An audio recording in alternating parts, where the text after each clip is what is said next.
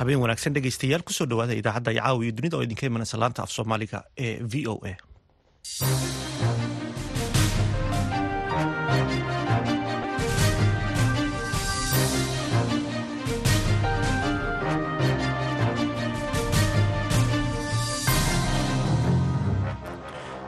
waa fiidnimo salaasaha bisha disembar ee sanadka labada kun saddex iyo labaatankuna waa sagaal iyo toban. Waxaad naga dhagaysanaysaan mawjadaha gaagaaban ee sagaal iyo tobanka iyo lix iyo tobanka mitrban iyo boggeena internetka ee v o a somaly com iyo efemyada geeska africa idaacadda caawiya dunidana waxaa idinla socodsiinaya anigoo ah xuseen barre aadan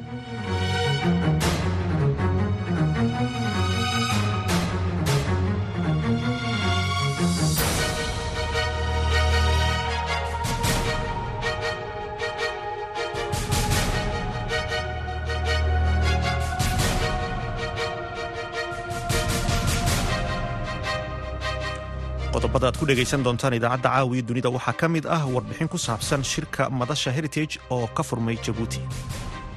Wuxuu askarigaasi dhufayska ugu jiraa sidii uu waalidkiis carruurtiisa iyo ummadda soomaaliyeed u heli lahaayeen nabad iyo xasilooni waarta. Waxaa kaloo dhegaysan doontaan barnaamijkii galka baadhista oo ku saabsan sida uu ku yimid ama ay ku timid deen cafinta dhowaan loo sameeyey soomaaliya there was no budget system in place, very few uh, revenue collection. There were, the institutions were not there.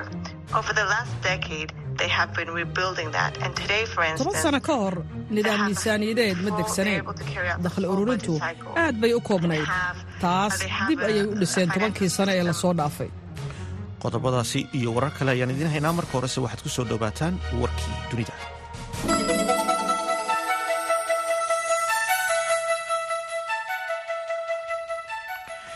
israa'iil ayaa qaaday duqaymo cusub iyo dagaal dhulka maanta oo salaaso ah ololaheeda dhulka ee ka dhanka ah xamaas iyadoo maraykanka uu abaabulayo xulufadiisa si ay u ilaaliyaan marinada maraakiibta ee badda cas oo looga badbaadinayo xuutiyiinta yemen ee ay taageerto iiraan milatariga israa'iil ayaa sheegay salaasada maanta in ay bartilmaam ugu dambeeyey ay ahayd xeryo ay xamaas u adeegsato arrimaha milatariga iyo ciidamada israa'iil ay burburiyeen godadka dhulka hoostiisa mare ee koonfurta khaza wasaaradda caafimaadka ee khaza oo ay maamusho xamaas ayaa sheegtay in duqaymaha israa'iil ay ku dileen ugu yaraan labaatan qof oo ka mid ah dadka degan magaalada rafax oo ah magaalo ku taala koonfurta dalka oo xad la wadaagta masar xogayaha difaaca ee maraykanka oo ku sugan dalka baxrayn ayaa sheegay in maraykanka iyo dalal kale oo gobolka ku yaalla ay abuurayaan ciidamo isku dhaf ah oo caalami ah kuwaasi oo ilaalin doona gaadiidka badda ee isticmaala marinbiyoodka badda cas kadib markii ay xuutiyiinta yemen ay bilaabeen inay weeraro ku qaadaan maraakiibta isticmaalaysa marinbiyoodkaasi weeraradan lala beegsanayo qaar ka mida maraakiibta ganacsiga ayaa dhalisay in qaar ka mida shirkadaha waaweyn ee qaabilsan gudbinta alaabada. Mara dhinaca badda in ay godoonsadeen in ay ka hakiyaan idhahda isticmaalka marinbiyoodka badda cas ilaa waxaa laga qabanayo xaaladda amni darro ee soo kordhay taliska dhexe ciidamada militariga ee maraykanka ayaa ku waramay in laba weerar ay dhaceen maalinnimadii isniintii shalay. Xogayaha arrimaha dibad xogayaha oo arrintaasi daba socda ayaa sheegay in ay go'aansadeen inay hirgeliyaan aasaasidda howlgalka cusub oo ka dhan ah arrimaha halista ku ah burcadbadeeda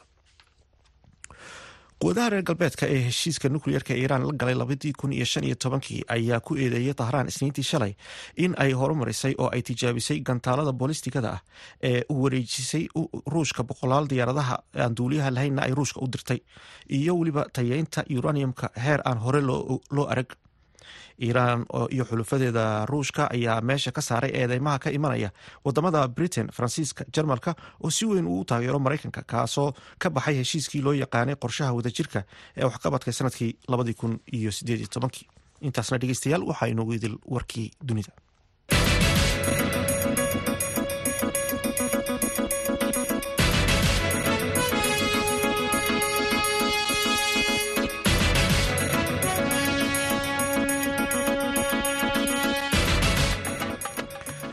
nagala socotaan. Waa laanta af soomaaliga idaacadda v o a. Magaalada jabuuti waxaa maanta ka furmay shirka madasha aragti wadaagga ee heritage oo ah kii toddobaad waxaana looga hadlayaa sanadkan kobcinta dhaqanka nabadda ee geeska africa madaxa hay'adda cilmibaarista heritage mursal saney ayaa ka hadlay qodobada looga hadlayo shirkan isagoo la hadlayay v o a. Sidoo kale madaxda ka hadashay waxaa ka mid ah ra'iisul wasaaraha soomaaliya xamse cabdi bare warbixintan waxaa inoo soo dirtay sagal siciid faarax shirka madasha aragti wadaagga ee heritage sanadkan waxaa lagu lafagurayaa arrimaha kobcinta nabadda iyo dhaqanka. Agaasimaha hay'adda heritage oo iyaduu shirkan soo qabanqaabisay ayaa waxa uu ka waramay shirka sanadkan sababta ay ugu doorteen arrimaha nabadda iyo dhaqanka ka soo qaybgalayaasha iyo cilmi baarisyada kala duwan ee arrintaasi laga sameeyey. Marka hore waxaan rabaa inuu mahad celiyo dowladda jabuuti madaxweynaha jabuuti. Waxaan kaloo rabaa inuu celiyo mahad celiyo dadka jabuuti oo qalbigooda iyo guryahooda iyo caqligooda iyo noo furay. Si sharafna noola soo dhaweey marka hore waan ka mahad celinayna. Marka labaad ra'iisul wasaaraha soomaaliya xukuumadda soomaaliya. Waxaan uga mahad celinaynaa intooda badan noola jooga wasiiradii oo ra'isul wasaaraha hogaaminayo inay noo soo qasdiyeen shaqadii weynada dalka u hayeen ay ka soo tageen. Ayaga og shaqadan ay tahay shaqa muhiim ah oo shanta soomaali looga arrinsanayo sida loo nabadeyn lahaa meelaha ay colaadaha ka jiraan. Saddexda maalin soo socoto noo furmi doona shirka maanta ka mid tahay. Labada gelin maanta waxaa bixi doona shirka qaybtiisa koowaad. Waxaa ku xiga berri oo ay bixi doonaan cilmi baarisyo ay soo suubiyeen dad soomaali ah oo soddon iyo shan iyo ka badan ah oo laga doodi doono wixii ay cilmigii iyo caqligii isu geen waxay ku soo heleen. Laga doodi doono wixii ka soo baxay oo ah in nabadda soomaaliya ay u baahan tahay aragti kale oo ka duwan aragtidii hore shirka sanadkan kuwii hore muxuu kaga duwan yahay dadka aad casuteenna maxaas leedahay shirka way ku soo biirin doonaan shirka sanadihii hore waa ka duwan sanadba sanad ka dambeeya. Dadka shirka imaanaya waa ka sii bataan inta hore. Tan labaadna marxaladda la maraya oo ah soomaaliya oo fursad weyn u dhalatay oo ah in cunaqabateyn tubka laga qaaday in soomaaliya deyntii laga cafiyey in soomaaliya ay ku biirtay bariga afrika in soomaaliya ay u socoto in ay lugaheeda ku istaagto in atmis maanta ay ka baxday madaxtooyadii iyo meelihii u muhiimsan halbowlaha dowladda waxay muujinaysaa marka inay fursad jirto. Caqabadana waa jiraan oo waaweyn. Waxaan isleenahay ra'isul wasaaraha inuu yimid waxay muujinaysaa in ay dowladda soomaaliyana u hayso ay u hayso maxaa lahayey rabitaan weyn ay u qabto siduu sheegay ra'isul wasaaraha alkudhigid dowladdan wuxuu ahaa soomaali nabad ah dunidan soomaaliya heshiisa dunida heshiisla ah marka inay ka go'an tahay dowladda soomaaliyana in ay heshiisiinta soomaaliya dhab heshiisinta qayb ka qaadato dadkii yimid marka la fiirina waa dadkii ugu badnaayay soo xaadira. Sanadba sanad ka dambe waxaa ku darsamay intaa in ka badan annaga waxaan ku talagalnay laba boqol iyo konton qof waxay ku soo dhammaatay lix boqol oo qof oo maanta joogto. Wasiirka diinta iyo awqaafta ee dalka jabuuti oo ka mid ahaa madaxda furitaanka shirkan ka qayb gashay ayaa waxa uu ka waramay kaalinta jabuuti iyo muhiimadda nabaddu ay leedahay. Marka kolley waxaan rajaynaynaa sida ay sheegeen heritage. Maanta mawduucan ay qaateen oo mawduuc aad iyo aad u muhiima marka nabadda laga hadlayo laannu nabadda la'aanteed wax alla wax kale oo adduunyadu ay macno leedahay ma jirto. Waa kii ilaahay noo sheegay labada shay ee bini aadamka ugu muhiimsan kolkuu sheegayay kolkuu yidhi acamahum min juuc. Waxa uu ka quudiyey gaajo oo qolka qofku wuxuu u baahan yahy waxa ugu horreeya inuu wax cuno wa aamanahum min khoof baa ku xigto wuxuuna nabadgelyo ka siiyey ilaahay cabsi amnigu sidaa buu yahay soomaaliduna wax kastay ka sheegtayoo nabad baa caana macaan banan waxaan ku naqaanaa inigu xaggaana waa inigii nabad baa naas la nuugale run ahaantii warka nabad baa nabaddu waxaan u arkaa mawduuca ugu muhiimsan ee in laga hadlaa ra'iisul wasaaraha dowladda federaalka soomaaliya ayaa waxa uu ka waramay muhiimadda ay nabaddu u leedahay gayiga soomaalida iyo dadaalka ay dowladda federaalk ee soomaaliya ugu jirto dib u soo celinta nabad waarta. Mowduuca sanadkan oo ah kobcinta dhaqanka nabadda geeska waa mid soo jiidasho leh islamarkaana taabanaya dareenka shucuubta ku nool mandiqadda gaar ahaan ummadda soomaaliyeed. Dhaqanka nabaddu waa baadi ka tasawday ummadda soomaaliyeed muddo dheerna ay raadinayeen. Nabadda naga tasawday waxay furo u tahay. Albaabada naga xiran ee horumarka amni midka dhaqaale midka bulsho iyo midka siyaasadeed intaba. Annaga ka jamhuuriyadda federaalk ee soomaaliya ahaan waxaa noo dheer walaalaheenna soomaaliyeed ee geeska ku nool in muddo soddon iyo laba sano ah aysan dowlad gacanta ku wada haysa ka jirin dalka. Iyo in argagixiso naxariis daran ay ku dagal jabisay islamarkaana ku ilmo dhashay soomaaliya. Daqiiqadan aan hortiina taagnahay waxaa dhici karta in askari soomaaliyeed dhimanayo ama dhaawacmayo asaga oo dagaal kula jira khawaarijta khatarta ku ah soomaaliya gobolka iyo guud ahaan caalamka wuxuu askarigaasi dhufayska ugu jiraa sidii uu waalidkiis caruurtiisa iyo ummadda soomaaliyeed u heli lahaayeen nabad iyo xasilooni waarta. Haddaba si aan dal iyo dibadba uga baadi goobno nabadda naga maqan waxaan ka dhignay tiir ka mid ah tiirasha dowladda soomaaliya iyo barnaamijka xukuumadda dan qaran soomaali heshiisa dunidana heshiis la'ah saga siciid faarax v o e jabuuti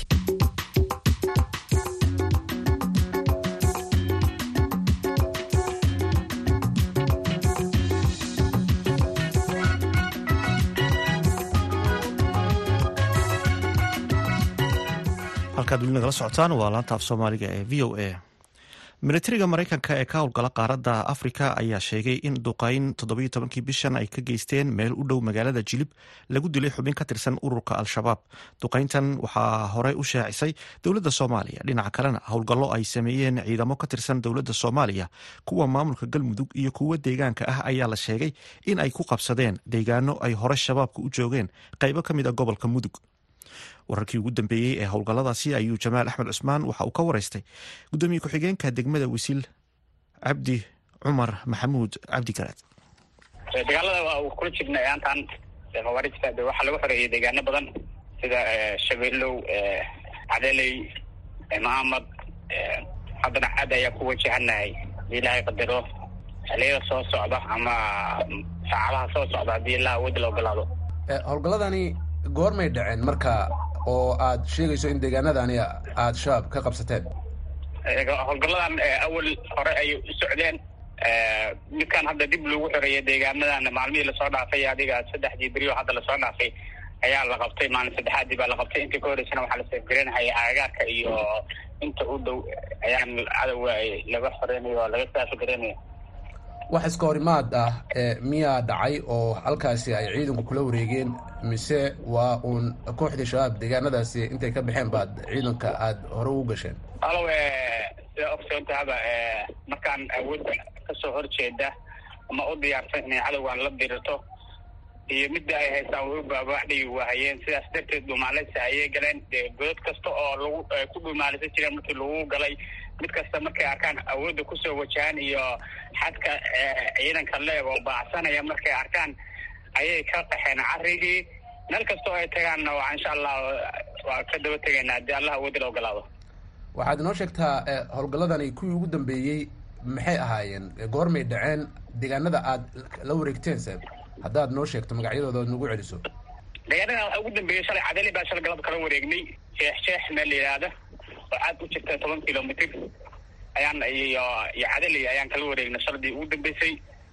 Haddana insha allahu ayakii aan ku dhex jirnaayo waxaan seefgaraynaynaa areadii aan shalay la wareegnay.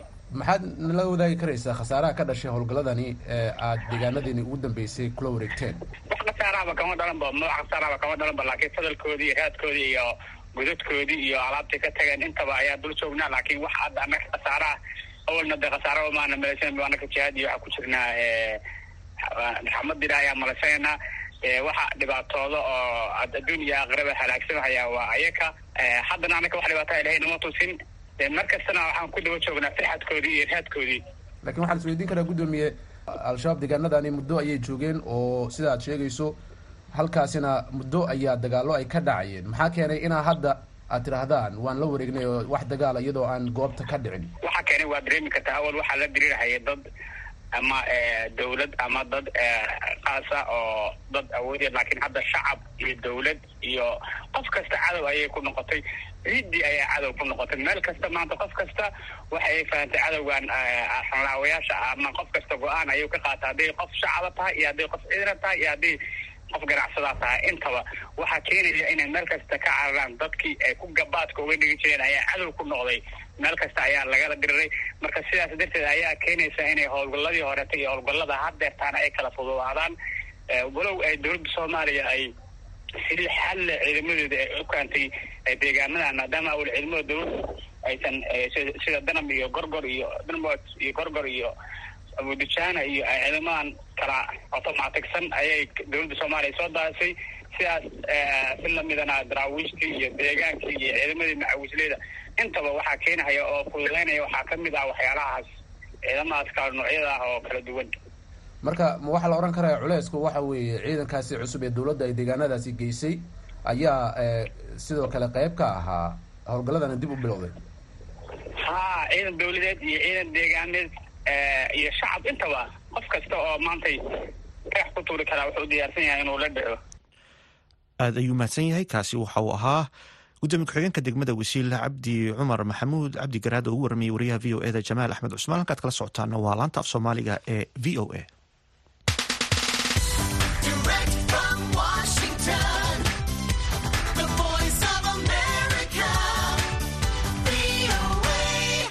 haatana dhegeystayaal ku soo dhowaada barnaamijkii galka baadhista waxaa inoo haya haaruun macruuf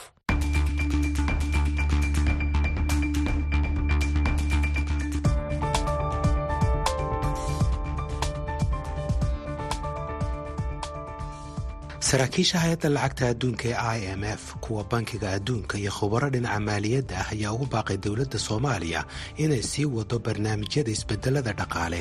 Kadib markii dalku helay dayn cafis ballaaran toddobaadkii hore i m f iyo bankiga adduunka ayaa toddobaadkii hore ku dhawaaqay in dalka soomaaliya laga cafiyey lacag dhan afar bilyan iyo shan boqol oo milyan oo dollar waxayna sheegeen inay ku timid dadaalkii ay sameeyeen dowladihii kala duwanaa ee soomaaliya soo maray ku dhowaad tobankii sano ee la soo dhaafay. Lora jeramiyo waa la taliyaha i m f ee arrimaha soomaaliya bariga dhexe iyo bartamaha aasiya. Waxay galka baarista uga warantay sida ay u aragto barnaamijka dayn cafiska ee dowladda soomaaliya ay xaqiijisay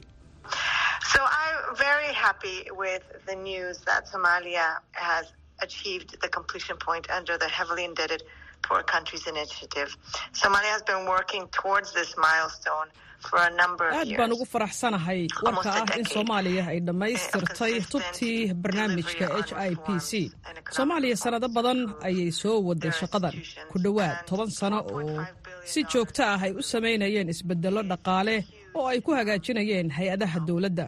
Afar bilyan iyo shan boqol oo milyan oo dayn cafisa waxay kaalmo weyn u tahay waddanka si ay u sii wadi karaan kobaca. Waxay sheegtay lora jeramiyo in soomaaliya ay soo martay sannad uu dalka ku dhuftay cudurka covid nneteen laba sano oo abaaro ah iyo daadad. Waxayna iiga warantay sida ay soomaaliya halkan ku soo gaartay.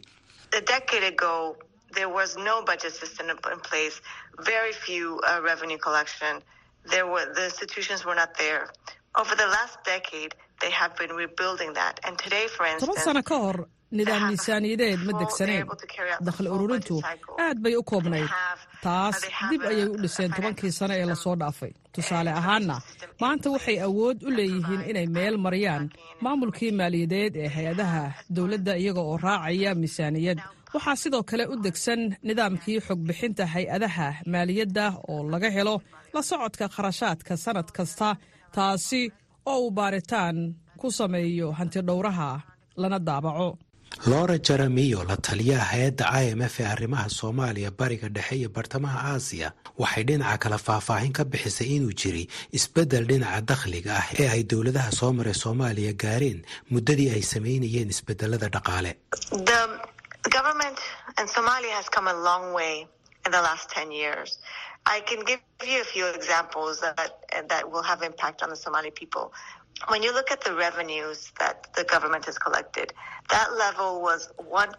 dowladda meel fog ayay ka timid tobankii sano ee la soo dhaafay. marka aad eegtid dakhligii dowladda ururisay marka loo tixgeliyo wax soo saarka dalka. waxa uu ahaa hal dhibic laba boqolkiiba toban sano ka hor haatan. Waxay joogtaa laba dhibic toddoba boqolkiiba taasina waxa ay ka dhigan tahay inuu jiro dakhli kordhay oo wax lagu maamulo qodob kale oo muhiima ayaa ah kharashka lagu bixiyo qofkii toban sano ka hor waxa uu ahaa siddeed dollar. Haatan waxa uu kor ugu kacay afartan iyo siddeed dollar. Waxaana taas ka mid ah adeegyada bulshada iyo kharashaad intii hore ka badan oo lagu bixiyey waxbarashada. Taasina waxay saamaynaysaa dadka soomaaliyeed. Fikradtaasi la mid ah waxaa qabta christina svenson oo ah madaxa bankiga adduunka ee soomaaliya laakiin svenson waxay leedahay inkastoo bilihii u dambeeyey soomaaliya ay horumar ka samaystay kordhinta dakhliga rabitaankiina uu jiro haddana su'aalo ayaa horyaalla dowladda soomaaliya la xiriiro inay kala doorato waxa ay kharashka ku bixinayso.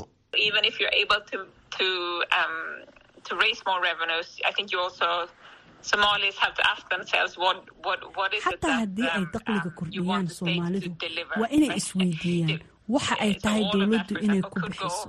Ma amniga ayaa lagu wada bixiyaa iyo mushaarka shaqaalaha dowladda ma waxbarashada mushaarka macalimiinta oo ay haddaba sameeyaan. Waxay sheegtay in dakhliga soomaaliya oo hooseeya xilligan ay adkaynayso amaah deg deg ah oo ay dowladdu qaadato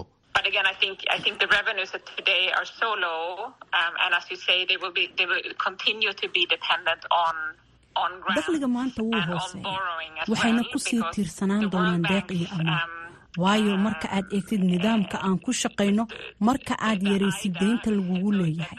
waxaa lagaa filanayaa inaad ka baxdid deeqda oo aad u guurtid amaahasho oo ah mid dulsaarkeedu aad u hooseeyo. Hadda waxaa la gaaray go'aan in soomaaliya la siiyo waqti nafis ah oo hal sano iyo bar ah oo ay ku sii soconayaan nidaamka deeqda waxayse tani muhiim ka dhigaysaa doodda ah in dakhliga la kordhiyo. Labada sarkaal waxay isku raaceen in dowladda soomaaliya ay muhiim tahay inay sii wado dib u habeynta dhaqaalaha iyo in haddii ay deyn qaadanayso ay noqoto mid dulsaarkeedu hooseeyo shuruudo dan u ah soomaaliyana ay la socdaan.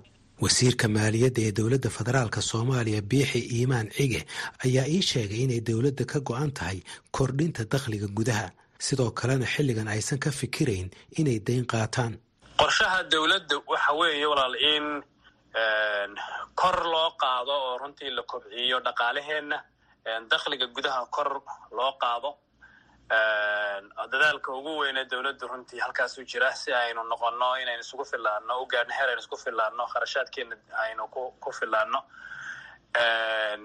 hadda dowladda uma qorshaysna inay deymo qaadato xaqiiqatan runtii dadaal weyn oo waxa jiray dayn cafiska dhinac socday oo oo ay dowladdu ku howlanayd oo ahaa in si looga maarmo inaynu markaba deymo qaadano in ay dunidu inoo wado kaalmada ay nagu garabka taagnayd muddada dheer. Sida caadiga ahna marka deynta la dhaafo waxaa hoos u dhaca waxaa loo yaqaano culayska deymeed ee dalka saaran detal oo macnaheedu tahay markuu kaasi hoos u dhaco dalalku inta badan deyn bay aadaana dee xaquma laha annagu laakiin dadaal dheer kadib runtii waxaan ku guulaysanay oon ku qancinay bangiga adduunka in aanay taasi isbedelin in muddo ah oo laynoo sii wado deeqdii si aan uga maarano inaan deyn qaadano runtiina waxaa aad iyo aad arrin weyn u ah in arrintaas guul weyn laga gaadhay warkeeda rasmiga ana runtii aan fili doono maalmaha dhow.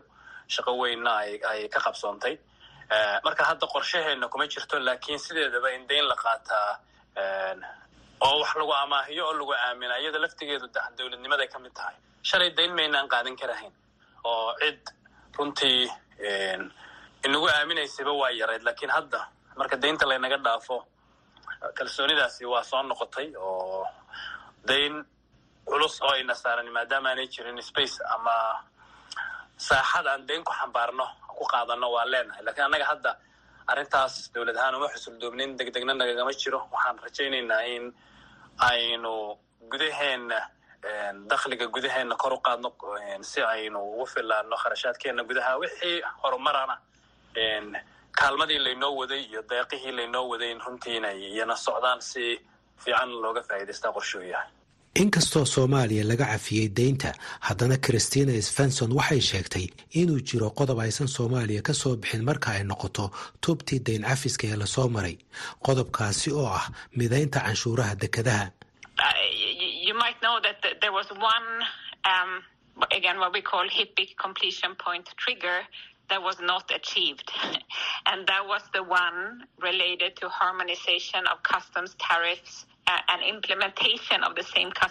sida laga yaabo in inaad waxaa jiray qodob and ka mid ah barnaamijka deyn cafinta ee loo soo gaabiyey oo aysan dowladdu ka soo bixin waxaana uu ahaa midaynta canshuuraha waxaa soo degaya iyo in laga wada hirgeliyo dekadaha muqdisho kismaayo iyo boosaaso taasi lama hanan.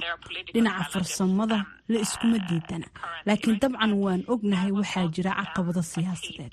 taasi waxay calaamad u tahay inay isbedeladan sii socdaan in loo baahan yahay in sidoo kale loo baahan yahay wadahadal dhex mara maamul goboleedyada iyo dowladda federaalka ah oo dowladaha heer gobol iyo federaal ay ka heshiiyaan. Muniir sheekh axmed waa khabiir maaliyadda iyo bankiyada ah. Waxaan weydiiyey sida ay soomaaliya ku kordhin karto dakhligeeda iyo ku-biiritaanka beesha dhaqaalaha ee bariga africa waxa uu uga dhigan yahay nidaamka canshuuraha waddanka. Ku-biirista east africa community waxay soo ziyaadini in la dedejiyo lana xoojiyo nidaamka maamulka dhaqaalaha. Maxaa yeele waxaa ka mid ah ma dhacayso in hadda soomaaliya ay alaab u soo dhoofiso waddamada east african community ayadoo ku biirtay ilaa ay buuxiso shuruudaha ah in canshuurahooda la wada simo. Soomaaliya d r c congo iyo south sudan weli waxay ku jiraan in ay soo buuxiyaan shuruudaha dhaqaalaha lagu mideynayo oo ah in canshuuraha la qaadaya ay isku mid noqdaan miisaaniyadda waddankana uu leeyahay nidaam la mid isku mid ah si hadhow maalgelinta iyo dhoofinta isu dhoofinta xoolaha alaabada ay noqdaan mid loo wada siman yahay. Marka siday hadda tahay wax in laga bedelay noqoni waana muhiim oo waxay kaalmayni dhismaha waddanka institutionkiisa uu dib u soo dhisaya aad bay dhinacaas muhiim u noqoni maalgeliska markay imaado soomaaliya waxay leedahay fursada maalgelin. Taasna haddana waxaa ka mid ah inay samayso maxkamada qeybta commercialka oo kale ah oo commercial disputes ama is-afgaranwaa hadduu ka dhaca damisterka xaggiisa ah lagu kala xallin kara. Hadda soomaaliya maxkamadaheeda iyo judicial systemka weli ma gaarsiisana heer maalgelin siin karto kalsooni ay ku maalgeliyaan xoolo fara badan fursadihii way jiraan lagu maalgelin lahaa meelo lagu maalgelin lahaa sida beeraha sida weliba kalluunka tegadaha iyo warshadaba.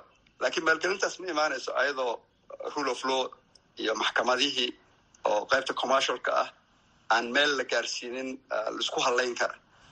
Tan saddexaad oo u baahan in la hagaajiyada waxaa waye bangiga dhexe iyo financial systemka waddanka in lagu xiro international financial system. Waddanka xataa ma laha currency oo dollarku ku shaqeeyaa marka waxyaalo fara badan oo dhinacaasna waa in la hagaajiyo.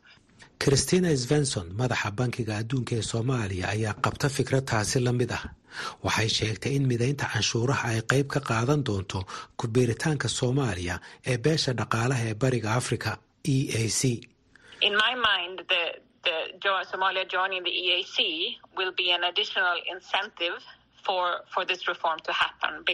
aniga waxay ila tahay ku-biiritaanka soomaaliya ee e a c.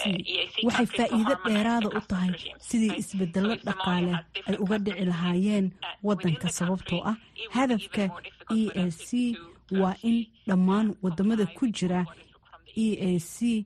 Ay mideeyaan canshuuraha waxa soo degaya. Haddii canshuuraha la saaro waxyaabaha soo degaya ay kala her yihiin gudaha soomaaliya waxay ku adkaanaysaa inay fuliyaan waxyaabaha ay e a c uga baahan tahay. Muniir sheekh axmed oo ah khabiir dhinaca maaliyadda iyo bankiyada waxaan weydiiyey in dadka caadiga ah ee soomaaliyeed ay markiiba jeebkooda ka dareemi karaan in deyn cafis loo sameeyey dalka. Si way u dareemayaan sina uma dareemayaan. Midda ugu horeysa sidaan hadda ani ogahay dayn weyn ay dowladda soomaaliya bixinaysay ma jirto. Marka markaad dhankaa ka eegtid isla markaanba wax dareen ah oo ruuxa suuqa magaalada jooga ama dowladdaba u shaqeeya uu ka helaya ma laha. Laakiin siday u dareemayaan faa'iidadeeda waxay ka imaan. Markii dayntan laga bixiyo waxaa u furnaani waddanka in uu suuqa ku laabto uu helo amaah iyo deeq iyo dayn hay'adahan ay bixiyaan kuna gor gargaaraan waddamada inay ku horumaraan tusaale hadda soomaaliya intaan ogahay in yar oo dowladda qatar ay bixisay laba wadda lagu dhisay mooye wax weyn oo infrastructure ah oo waddanka soo gaaray ma laha oo u baahan kharash fara badan. Waxyaalahaas idil iyo waddooyinka degadaha roobabkii hadda da'ay waxaa ka mid ah in buundooyinkii hore kulli ay burbureen in badan. Waxyaalahaas kulli waxaa hadda loo u saamixi waddanka in uu raadsado deeq iyo dayn iyo amaah. Oo markii hore ka wada xirnaa dayntan inta lagu leeyahay. Taas waa muhiim. Maxaa yeelay la'aanteed ma heli lahayn fursadahaas ah inay helaan deeq iyo amaah. Soomaaliya waa waddankii toddobiyo soddonaad ee mara nidaamka dayn cafiska ee hibig tan iyo intii la sameeyey sannadkii kun iyo sagaal boqol iyo sagaashan iyo lixdii haddaba sidee ayaa waddamada jidkaasi soo maray ay dhaqaalahooda dib ugu kabeen? Maxaase cashar ah ee ay soomaaliya ka baran kartaa? Muniir sheekh axmed mar kale. Horta arrintan waxay bilaabatay hibig ama mashruucan loo bilaabay in deymaha culus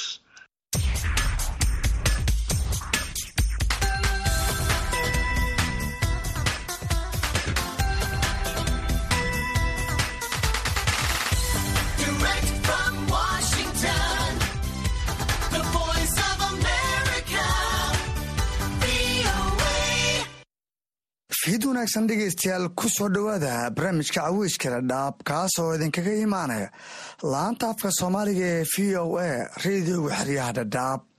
Barnaamijka toddobaad walba waxaad ku dhegaysataan labada mawduuc ay ugu hadleynta badan yihiin bulshooyinka ku nool xeryaha qaxootiga. Iyadoo dhegaystayaasheen dhadhaab iyo deegaanada ku xeeran ay si toosa nooga dhegaysan karaan idaacadda f m-ka v o eda dhadhaab ee ka soo gasha mawjada f m-ka hal eber lix dhibic todoba megahartis barnaamijkeena caawa qodobada aad ku maqli doontaanna waxaa ka mid noqon doonaa qaar ka mid a qaxootiga ku nool xaafadaha ku yaalla xerada dhagaxley ee kaamka dhadhaab ayaa sheegaya in biyo la'aan xooggan ay soo wajahday. Toddobaadyadii la soo dhaafay. Sidoo kale barnaamijka waxaad ku maqli doontaan dhalinyaro qaxooti ah oo gudaha xeryaha ku sameeya filimo wacyigelin ah oo ka sheekeyn doona. Kaalinta filimada ay sameeyaan ay ka qaadan karaan wacyigelinta bulshada. Kama marno xubintii shakhsiga oo toddobaadkan aan ku wareysan doono maxamed cusmaan oo xubin ka ah ururada dhalinyarada ee ka dhisan gudaha xeryaha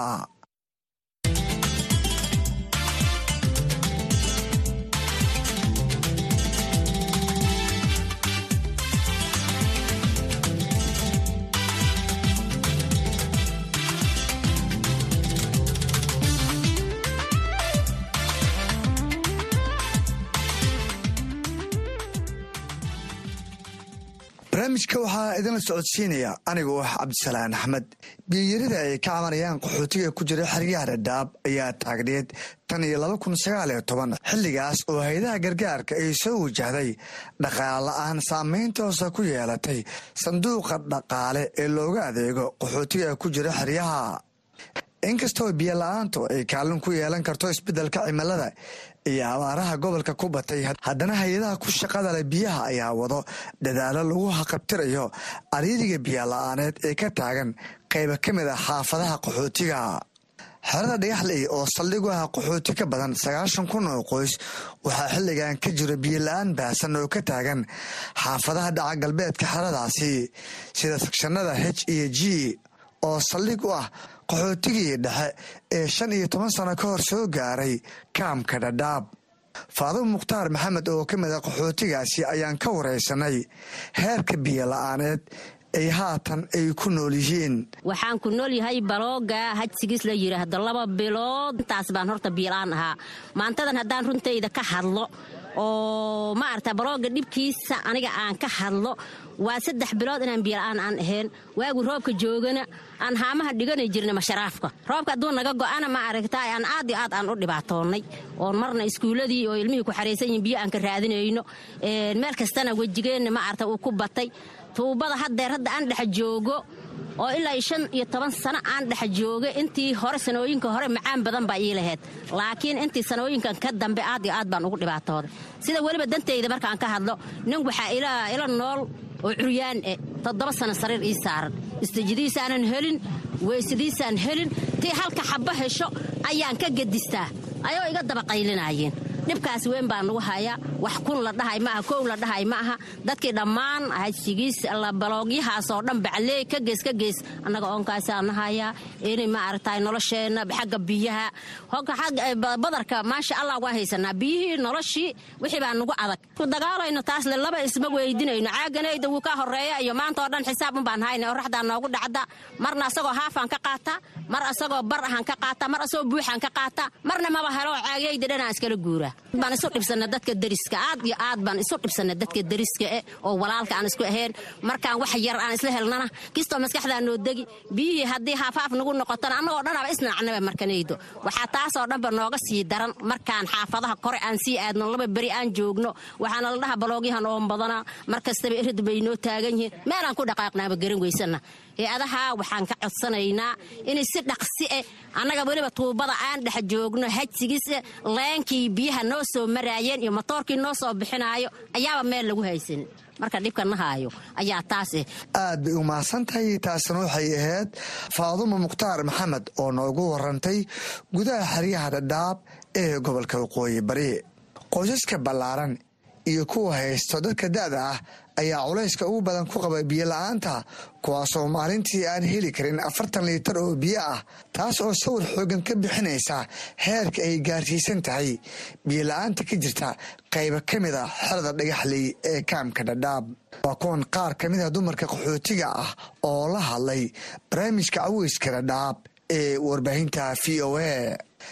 Dhool baa lii dhahaa biyaha waxaan ka cabnaa halkoo jirgaan waaga markuu beri hal jirgaan oo gobolna kuu dhacay waa yeelo kuu joogaan oo curyaamo yihiin oo sokor la qabo oo dhiikor la qabo oo qabeysku baahan yihiin oo daahiradu baahan yihiin oo weysadii wax walba loo baahan yahay. Hal jirgaan wayna anficilaadah marka biila'aan meesha waxaan ku qabnaa baahan. Marka ilmihii dugsiay ka imaadaan farxalkay u baahan yihiin. Marka ilmihii waxay u baahan yihiin marwalba nadaafadoodna la socda halka jirgaan nadaafadna ma galo qabees ma gala cabitaan ma galo. Waayeelka wax dhaqaalkiisa iyo daahiriskiisa ma galo. Cuntadii wax kuma karsanaysa wixii cuntada karsanayd ma dhama. Oo meesha aad baan ugu dhibaataysanayd xagga tubada biyaha dhib baan ku qabnaa. Bolooga xagga biyaha waa ku dhibaataysana uguma filno qoyskay wuxuu ka kooban yahay shan iyo toban ruux.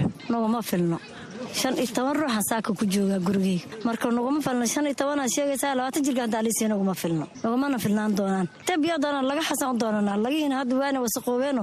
Caruurta baa ku dheysho oo dameerahay baa galo. Wixii baan haddan iyagoo uraayaanoo wasaqa huuraan cabnaa dantaana noo geysay. Maanan cabilaha waxnan kuma karsateen. Dhibaatada biyaha saas baa noogu bacan xaafadaha kale markaad biyu doonataan ma heshaan maya. Gaargacan dadka dameer malaha qaar gaargacan malaha qaar marka aad biyihii laguma siiyo waxaa lagu dhihi adaa hana oominin. Adaa ooman annagana hana oominin dhinaca noo dhaaf. Markaa ugu badato halka ruxolaaloosaad boonahaansa adugu baryotami halkoo jirkaan ruuxna ku sii la arkaa. Haddii kalena waxaa aad isku soo laabanayo adigoo iska rafaadsan aad ciddi ku soo noqonaysaa adigoo ooman oo waxna kaa soo horreyno saa'id dhib badanaan qabnaa waayeelaha dadka u joogo. Si haddana waayeelaha xanuunsan aad baa ugu dhib qabnaa wallaahi ibilaahi aadaa ugu rafaadsana xagga biyaha meesha maxaa marka ugu dambayntii ka codsanaysaan hay'adahan biyaha qaabilsan? Maxaan ka codsanaynaa tubada biyaha noola soo sii daaya tubada mayduqoodi ma naqaano tubada waxaan rabnaa noola soo sii daaya laba tubo waa lagu leeyahay halna kama helno. Waxaan rabnaa tubooyinka inaan noola soo sii daaya sida islaamka caba inaan wa cabno. Qaxootiga hoose biyaha helaan waa run way helaan habeen maalin way cabaan ma go'do. Laakiinse annaga haji oo dhanba aan isku daree biyaha way ka go'aan. Ma helaan biyo sid saanberi waa ku oomanahay baloogo sahar waliyo hasan cuna oongnane nadili kaarkayn kaarkay laba iyo tobanaal way koow iyo tobanaal oo baahina ahnay kor saaran walna manhaay biina manhaay maanta haddii ana laba la isiyo saddex beri maalan afaraad iyo hadan laba hale. Maanta meegow si aan anfeelnaay aagihii iskoolka haddii ila aado maylikaleya ana iskoolley dadkii banaanka waraabi malidhana ana maylidhay wax waardi waardi anta an fadhiye. Maan dadka beledka waraabi an anta mal iins fadhiisini dhahoy koow qabte hadda ina cunaka dhalmada niyanku goto naftadaynuna ay baaba'no waayahay adigoo ka kooban saddex iyo labaatan qof laba caag biyo ah maxay qoyskiina ka tartaa? May ka tara wal ay anun gurka kariyaw ma kaso. Salaad wax ka galaw maxay muslumnimadayba kolka baaraybaaraya maroyta qaweyska ilmahayna iska dhaafba cudur may kooy isbitaalinka ogtan oo finfin dhalo korka diirka ka dhiyaw. Waxaasna ma insheeno qawoos dara iyo nadaafad dara. Nadaafad darada may ka jirta biyaha. Biyaha inta ka sheenan darab gudkaayni ariiri gali. Ma qaweysada karno muslumnimadaani oo gali. Ya oo min rafaad ama lug anta bar biijir cuno ambaxsadaasan halay biyaha markii anika tuubada ku wayno duurka bahaano duurkii biyihiisna xanuunan in dhaliyo. Biyo inta yaa baclay dhan bii ma jiro kahoota horta bii ma jiro. Waa rafaadna aniga hadda rafaadkayna aniga ina waxna ninka qabada waa maanta una rabna aad bay u mahadsan yihiin kuwaasna waxay ahaayeen qaar ka mid ah codadka haweenka qaxootiga ah oo u waramay barnaamijka caweyshka dhadhaab. Dhinaca kale maamulka tubooyinka biyaha laga cabo ee ku yaalla xeryaha ayaa maamulada biyaha culays xoogan kala kulma. Wakhtiyada ay biyo la'aantu ka dhacdo xeryaha maadaama ay adag tahay in biyaha loo qaybiyo qoyska faraha badan ee ku nool xaafadaha waatan xaawo salaad xasan oo ka mid ah haweenka waardiyaha ka ah tubooyinka ku yaalla xerada oo waan rafaadanahay laba iyo tobanaala maanta la afar biyo ma cabin oo laba iyo tobanaano kale oo soomaali ka imaaday oo kaar aan loo haynin oon boono loo haynin ay ku ooman tahay. Dhiikaraan halis u ahay xaawileyda waxay leedahay washmanka aan dilna hayadda biyo noogama soo qaadaysa rafaad afnagaada oon umalaha rafaadanoo iskuullaha hoos taagan. Waan dhibinnahay ilaahay magac alla waay salaadayda casar ma jabin waan dhibinnahay saansaakay laba iyo tobanka u astaaga casar salaadii ilaahay ma tukunin xilligan. Dadaan kale hooy dhabayna shalay laba maamo waayeelaha isku soo boodeen. Rikib aniga afar maalmood ma cabin adiga seed laba dirgaan ku heshay lix iyo tobanla toddoba iyo tobanla laba caag maxay ka taray oo maanta maalinka afar eh? Bal waxaad ka warantaa qaabkaad u maarayso oo dadkan biyahaad u siiso iyo siday ugu qancaan biyaha yar ay nasiib ku helaan. War waxay ku qancaan maanta labaan siiyaa maalinta maanta ka afar ahena labaan siiyaa laba lambar kow maanta maalinka saddex has cabi lambar saddex maanta maalinka afar has cabi maanta waxaa cabaay laba iyo tobanla koow iyo tobanla saddex iyo tobanla afar iyo tobanla labaatan soddonla intaas oon unbaa isugey manle baan siiyaa iskuullaha aadan iskuullahan waxay dhahaan ordana dhaafa towbaa idin surun hayadaa idin maamulaysa dadaa idin degsaday iyo in aada iyo hayadda iyo wakaalada biyaha. Laba caag oo labaatan la ah qoys ballaaran baahidooda maxay ka qaban kartaa waxba kama qaban karta. Jiiro dilaajira rafaad maamayaalka afnagaada nufa shalay laba gabdhooda isku dhiman gaarta u kala reebayn annagii xaawileyda kale oon xalay isku sabeen xerayna dhibkaas waxaa keenay oonka. Hay'adda markaan tagno laleeya waa ladiin soo daynaa. Waayahay qoyska maanta biyo cabo tubada goormuu biyo ku leeyahay. Maanta maalinka afar eh. Maanta labaan siinaa maanta maalinka afarena labaa la siinaa. Maba u haybe saasaan u kala maamulaa. Bilcaanta waxay leeyihiin war dhibkan wakhti intee laag ayaad ku nooshihiin? Laba bilood oo cadcad daruurti maalintii daruurtan haa ka hadhaan roobkaba hadduu feeri meeshiaan ka bilaawna aniga washmanka aha waaye qof kale muxuu ka hela aniga washmanka ahay. Oo hal u geliya washmanka war mashka anin waxaan yidhi umushaa iga darana umusha u geliye. Waa tabi oo boqol jirka oo indhaha loo fiiqi u geliya aad bay u mahadsan tahay taasina waxay ahayd xaawo salaad xasan oo ka mid ah haweenka maamula. Mid ka mid a tubooyinka ku yaalla xerada dhagaxley ee kaamka dhadhaab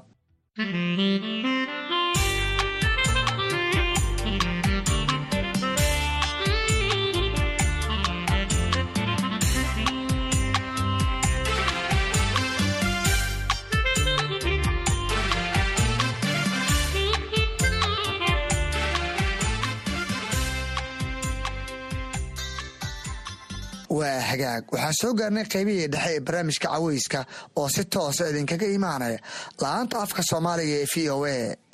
Waxaa idinku soo maqan sheekooyin kale oo ku aadan isla wararka qaxootiga balse iminka idinku wareejiyo saaxiibkay axmed cabdulaahi jaamac oo stuudiya ula sugan si uu noogu soo tabiyo barnaamijka qaybihiisa kale. Mahadsanid cabdisalaan axmed dhegaystayaal waxaad nagala socotaan barnaamijka caweyska dhadhaab aad ka dhegaysanaysaan laanta afka soomaaliga ee idaacadda v o a. Waxaanuu barnaamijku si toos idinkaga imanayaa xeryaha dhadhaab ee gobolka waqooyi bari ee kenya. Ku soo dhowaada warbixinno kale oo la xiriira nolosha dadka ku nool xeryaha qaxootiga oo qayb ka ah barnaamijka caweyska dhadhaab ee toddobaadkan. Waxaa ka mid a qodobada aad ku maqli doontaan xubintii shakhsiga oo toddobaadkan uu marti noogu yahay. Maxamed cismaan oo ka mid a dhallinyarada xeryaha qaxootiga oo aan ka waraystay sharci cusub oo ay dowladda kenya doonayso inay ku dhaqdo qaxootiga ku sugan dalkeeda iyo xuquuqaha uu sharcigaasi siinayo qaxootiga. Waxaad kale oo maqli doontaan koox dhallinyaro ah oo filimaan wacyigelina ka sameeya xeryaha qaxootiga oo ka hadlaya sida filimada ay sameeyaan ay kaalin uga qaadan karaan wacyigelinta bulshada. Haddii aan ku bilaabo dhegaystayaal xubinta shakhsiga dadka ku nool xeryaha qaxootiga ee dhadhaab ayaa rajeynaya dhowaan inuu dhaqan galo sharci cusub oo ay dowladda kenya doonayso inay ku maamusho qaxootiga ku nool dalkeeda maxamed cismaan oo ku magac dheer xujaale oo ka mid ahaa dad laga soo xulay bulshada oo qaatay tababar ku saabsan sharciga iyo xaquuqaha uu siinayo qaxootiga ayaan ka waraystay. Wuxuu sharcigaasi uga dhigan yahay dadka qaxootiga ku ahaa xeryaha dhadhaab muddada ka badan laba iyo soddonka sano. Sharciga waxaa waaye horta sharci qaxootiga ku dhaqan kenya uu ah micnaha xal. Waayo qaxootiganit muddo ah waxay ku jireen xeryaha khaasatan dhadhaab iyo kakuma. Dhaqdhaqaaqoodana micnaha wuu xadidnaa. Hataa shaqo abuurka dhanka micnaha hay'adaha loo shaqeynaya.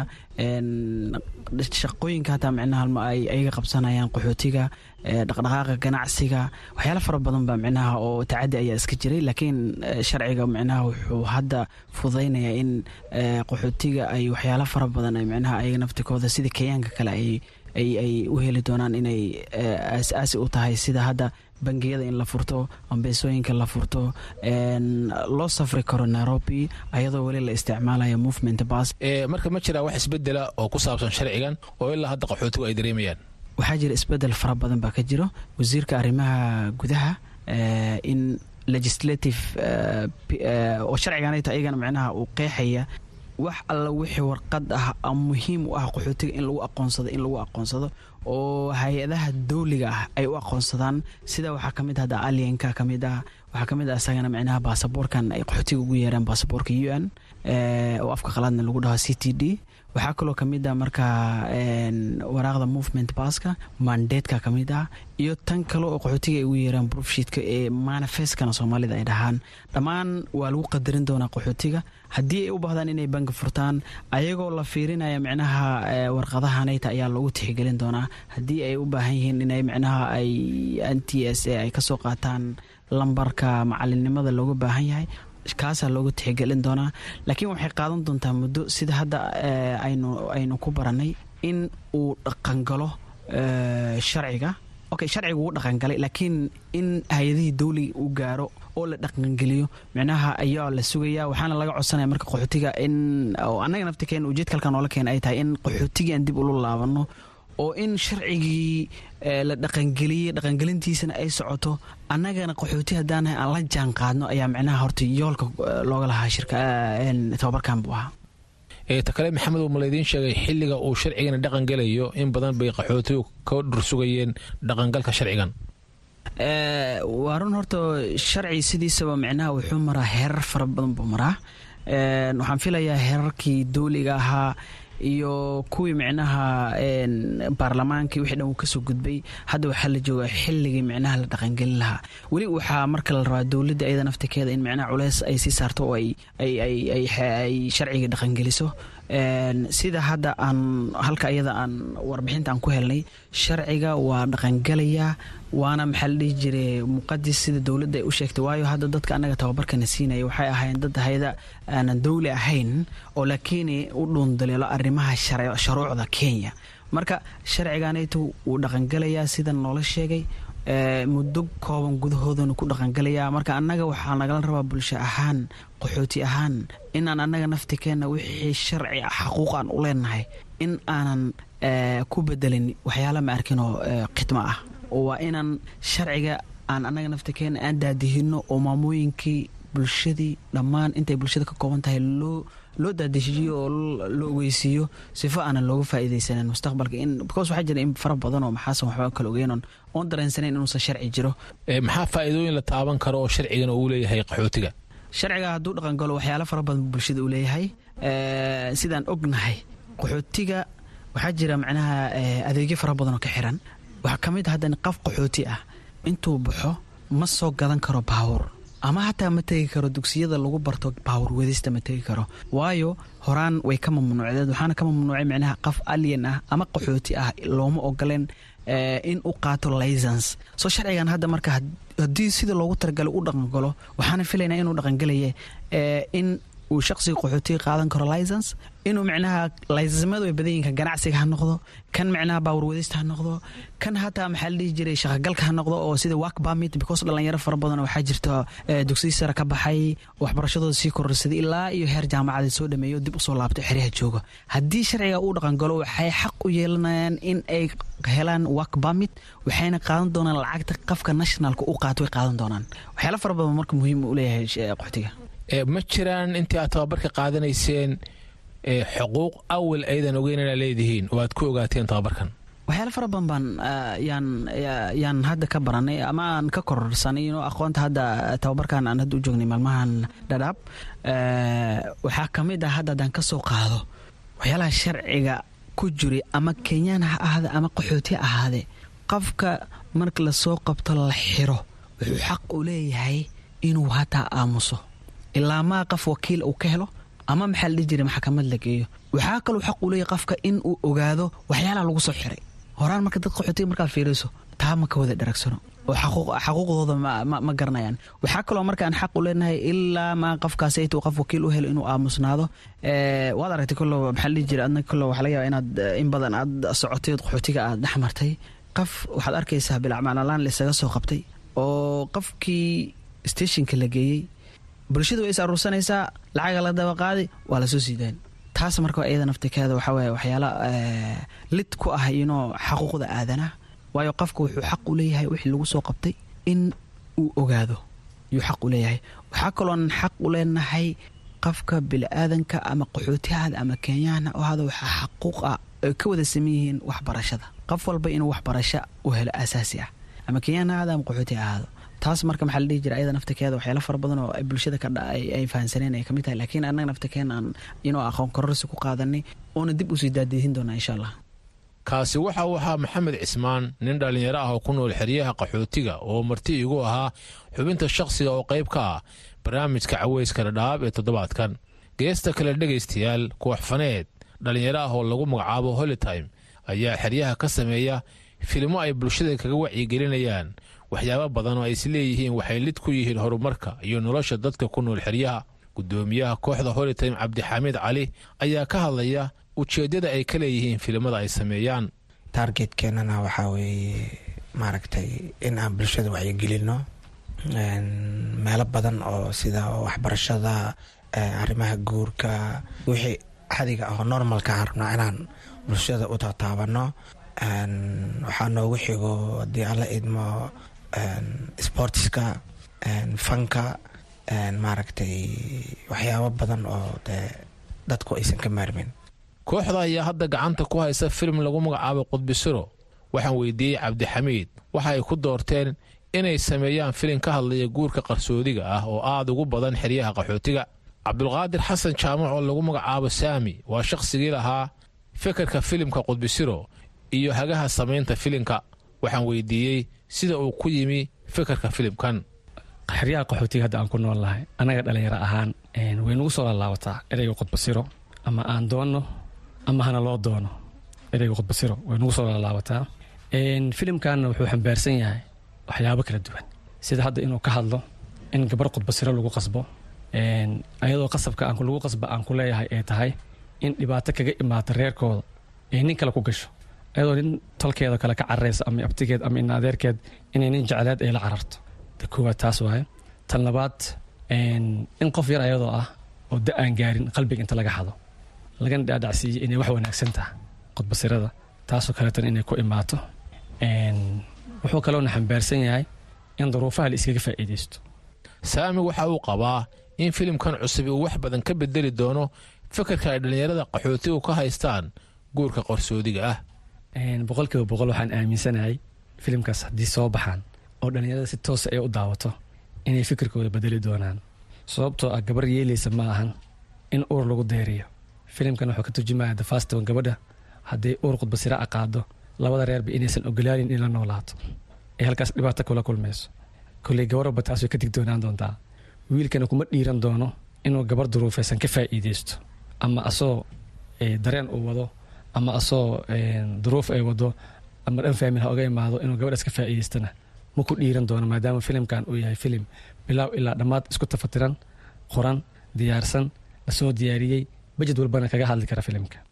Nasteexa maxamed axmed oo ka mid a gabdhaha ku jira filimka qudbisiro ayaa ka hadlaysa waxay ku dooratay inay jiraan noqoto iyadoo bulshada qaarkeed ay fikir aan wanaagsanayn ka haystaan in gabadha ay filin jisho arkay waxyaalo badan oo adduunka ka jiro iyo dhibaatooyin badan iyo waxa hadda adduunka ka taagan yahay.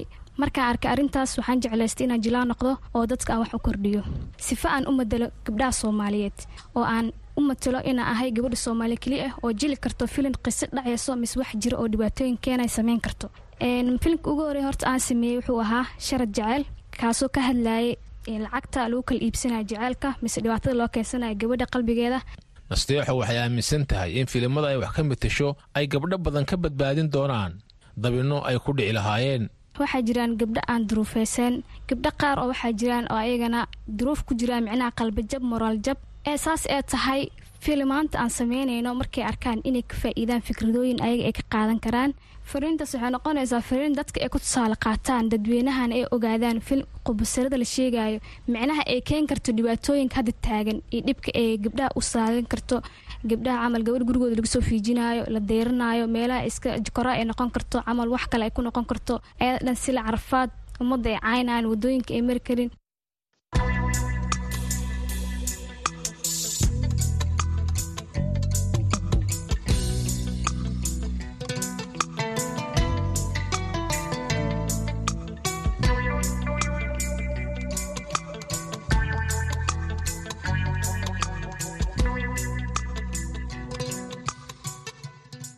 dhegaystayaal. Inta ayuu inoogu ogyahay barnaamijkii caweyska dhadhaab ee toddobaadkan oo qaybtiisa dambe aan idinla socodsiinayey anigoo axmed cabdulaahi jaamaca. Intase aanan ka bixin aan mar kale dib idinku celiyo saaxiibkay cabdisalaan axmed cabdisalaan oo barnaamijka ila daadihinayey mahadsanid axmed dheere dhegaystayaal haatanna aan ku nasanno mid ka mida kaalimaha suugaanta. dhawr